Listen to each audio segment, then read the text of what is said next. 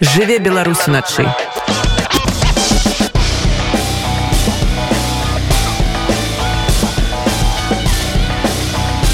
Белорусские ноцы. Ва ўкраінскім тэрнополі некалькі дзён праходзіў рэгіянальны этап беларуска-украінскага фестывалю дакументальнага кіно 1084 на мяжы 1084 кіламетры складае супольная мяжа беларусі і ўкраіны Таму менавіта такая назва. Адкрыўся фестываль паказам кароткаметражнага фільму вадохрышча. Яго беларускі рэжысёр Андрэй Куціла зняў на набярэжнай дняпра ў кіеўскім раёне абалонь крыху больш як за месяц да паўнамасштабнага ўварвання расійскіх захопнікаў ва ўкраіну. Тады Куціла сам быў бежанцам ва ўкраіне ад палітычнага пераследу на радзіме. У фільме нехта занурваецца ў вадохрыцкую пельку, а нехта проста стаіць і размаўляе, а размаўляюць людзі ідзе пра імавернасць вайны з расіяй прадчуванне якой ужо было ў паветры Адкрыццё фестывалю адбылося даволі яскравым і шматлюдным, сабраўшы ў тэрнопальскім грамадскім цэнтры перахрэсця скрыжавання каля ста гледачоў. Пасля прагляду фільма адбылося абмеркаванне, падчас якога закраналася сітуацыя ў Беларусі і дапамога беларусаў у абароне ўкраіны. Некаторыя з гледачоў падзяліліся з намі сваімі думкамі пра беларусаў і сітуацыю ў нашай краіне. У мене дуже хороша подружка в мінску живе. Ми з нею спілкуємося. Вона мене підтримує, я її підтримую підтримуємо. Ми до них в гості їздили, вони до нас. І вона дуже засуджує, що Росія почала з нами війну і підтримує, і навіть добрим словом. Дуже вдячна їй за все. І от вона вчора дзвонить. Я тебе підтримую. І може щось треба. Я кажу, нічого не треба, тільки дякую за добре слово. Бачила по телевізору, як вони знаєте, я щось така розстроєна, що я просто аж навіть не знаю, що дуже тяжко, що ми були друзі, браття. І от почали одні проти других вбивати і знищувати все наше нашу Україну. Сказала одна глядачка сталага веку. Яшчэ адзін з наведнікаў фестывалю таксама адзначыў, што ў яго ёсць сябры ў Беларусі. Інфармації було дуже мало, дуже мало. Але річ в тому, що в мене є е, друзі, були там, вони зараз вже втекли тут, на Україні. Ну там речі жахливі. Це, що вони розказують, я навіть ніколи не міг подумати, що в Білорусі таке. Лукашенко творить, він набагато страшніші речі робить, ніж Путін в Росії. Тож мені розказують ці люди, які звідти потікали, розумієте? Вони тут на Тернопіль жили, потім поїхали до себе в Білорусь, вернулися назад, такі речі розказують. Це я не міг навіть повірити ці речі. Але білоруси, українці, це дійсно ми навіть не відчуваємо один, не, не, не то, що розуміємо, ми відчуваємо один одного через те, що ми одинакові. Нас, По нас одинаково їздить москаль що по білорусах, так і по українцях. Так що це без переводчика, ми все це діло розуміємо. І білоруси ми їм вдячні, бо вони нам сильно допомагають. Не всі ясно, це зрозуміло. Ну хто як може, ми їм. А цей полк Каліновського це взагалі. Так що разом до перемоги. Дырэктарка кінафестывалю 1084 на мяжы Тацяна Гацура-Яворская адзначыла нечакана вялікую цікавасць тэрнапалян да беларускай тэматыкі. Да, пачаўся фестываль Тэрнополі дуже неочікувано, що тут 12 годин дня і так багато людей прийшло. Тут такая су супольнасць такая збіраецца весь час на якісь заклады і цым абумоўлены поспех, я думаю. Але што важна, дуже цёплая была зустріч, то бок людзі вельмі зацікаўлены былі пачуць інфармацыю якую мы распавядалі і былі дуже дуже вдзячна то бок такая як бы кожная сустрэча кожны фестываль розны у кожным горадзе але пачалося все вельмі вельмі прыязна і цёпла. У крэатыўным кластары на пошце адбылося некалькі паказаў беларускіх фільмаў. Гледачы смаглі пабачыць фільм польскага рэжысёра Анджея федыка беларускі вальс пра вядомага мастака палітвязня забітага рэжымам лукашэнкі ў беларускай турме алеся пушкіна. Таксама алесю пушкіну прысвечаны фільм беларускай рэжысёркі ольгі прусак новае неба над над новай краінай прагулкі з пушкіным. Акрамя гэтых фільмаў наведнікі крэатыўнага кластара пабачылі фільм Ганны бадзякі Александра Михалковича радзіма.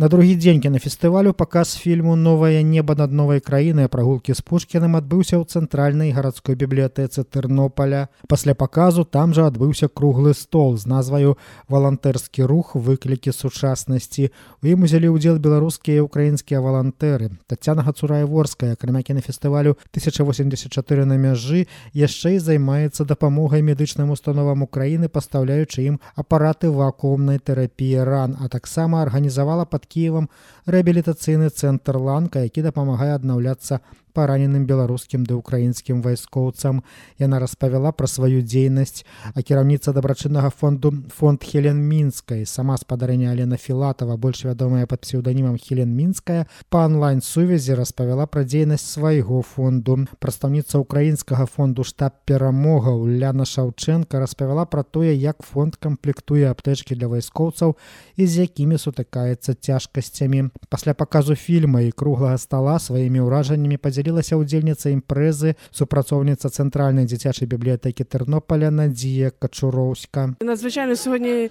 щаслива що я попала на цю зустріч Е, завжди переживала що відбувається в білорусі і насправді не знала інформації От сьогодні я почула, е, як дисиденти, як е, вони працюють, як нам допомагають, бо насправді я цього не знала. І буду розповідати своїм знайомим е, і рідним, і розкажу про сьогоднішню зустріч.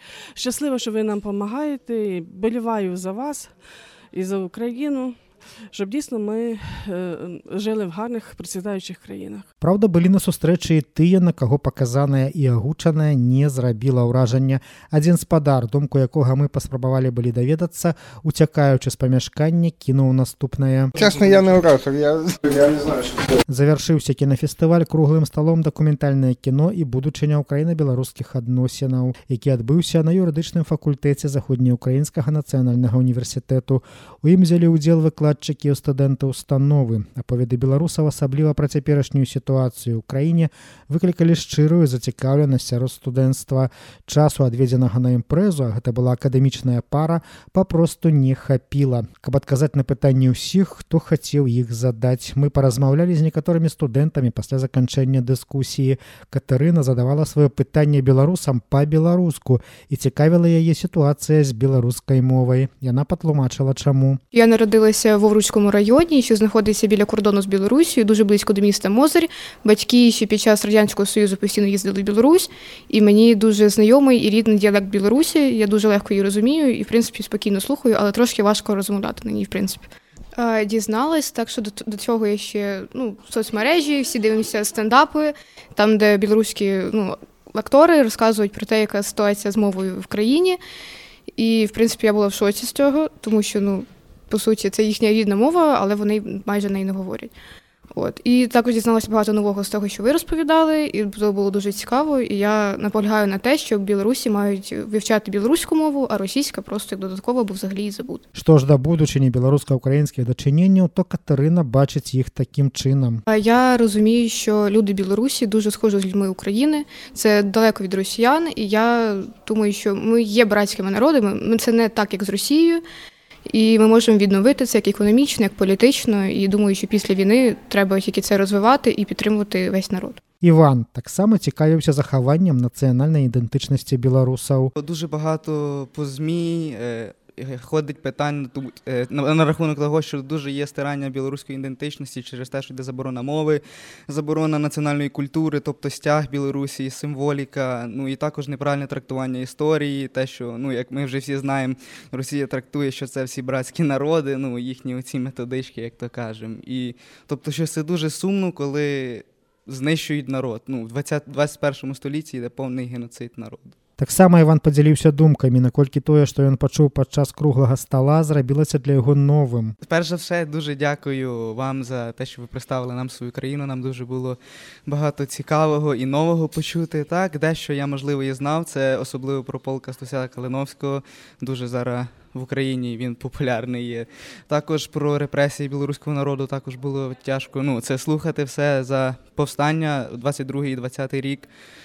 е, за режим Лукашенка, який тероризує, ну і за участь в війні Білорусі, тобто як народ бореться проти того і допомагають Україні, навіть у ці партизанські рухи, які діють на залі- залізничних дорогах, ну і загалом. Загадчыца кафедры міжнароднага права і міграцыйнай палітыкі заходнеукраінскага нацыянальнага універсітэту Ярына Жукорська адзначыла тое, што для яе стала самым важным у абмеркаванні. Для мене, напевно, інформація не зовсім нова, ну, в силу моєї професії, в силу моїх інтересів. Але для студентів, я думаю, що багато вони почули цікавого і їм потрібного. А головне, вони повинні розуміти те, що сьогодні сказала директор фестивалю. Що насправді до диктатури ніхто в один день не просинається в державі з тоталітарним режимом. Це крок за кроком, права починають обмежуватися, і дуже часто цей процес ми навіть не відслідковуємо. І вони це повинні усвідомлювати, щоб наша держава туди ж само не скотилася. Тому що насправді в стані війни є дуже велика можливість, чи зараз, чи буквально там після закінчення війни. Якось так легко хочеться сказати, ми можемо стикнутися з такою проблемою. Тим більше російські наративи, російські впливи, вони насправді дуже сильні і в Україні, незважаючи на війну. Е, І вони не знають, що таке Радянський Союз. Якщо ми там десь ще в школу ходили, я, наприклад, навіть була три тижні піонеркою, ще я десь пам'ятаю, вони взагалі не уявляють, що це можливо. А якщо ти не уявляєш, що така загроза взагалі може бути, ти і не бачиш, коли це все починається. Е, Це насправді дуже важливо, коли фільми білоруських режисерів, е, митців представляють Білорусь. Це має дуже велике е, значення ну, наповнення. Бо, ну, власне, от, коли ми говоримо на межі, от, ну, реально ми, ми зараз е, на кількох межах. Ми, ми на межі війни. Так? Люди, які не дають спокою ні білорусам, ні українцям, вони теж на межі.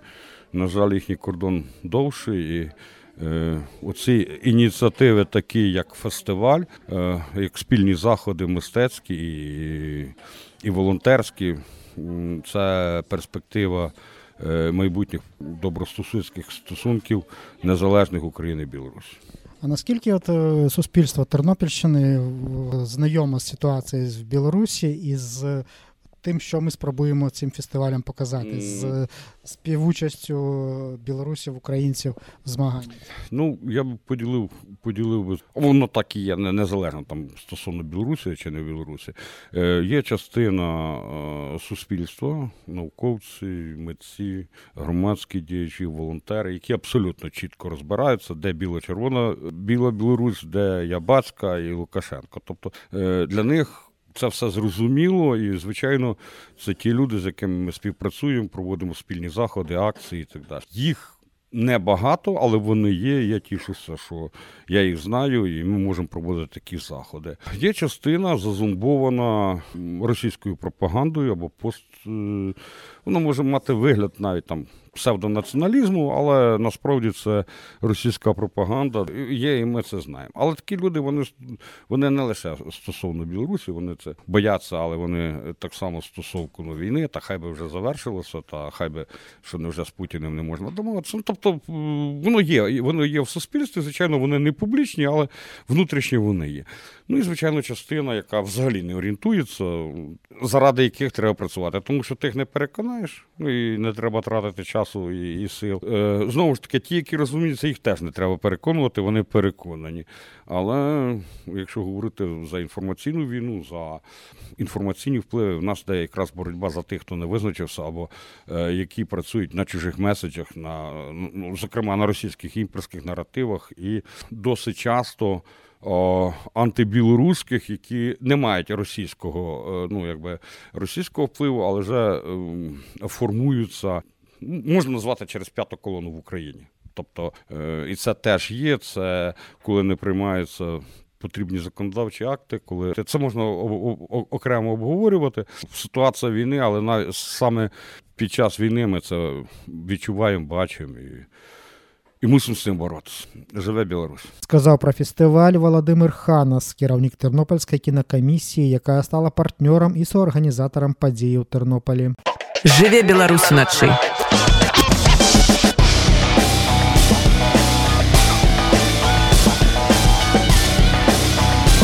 Белорусские ноцы.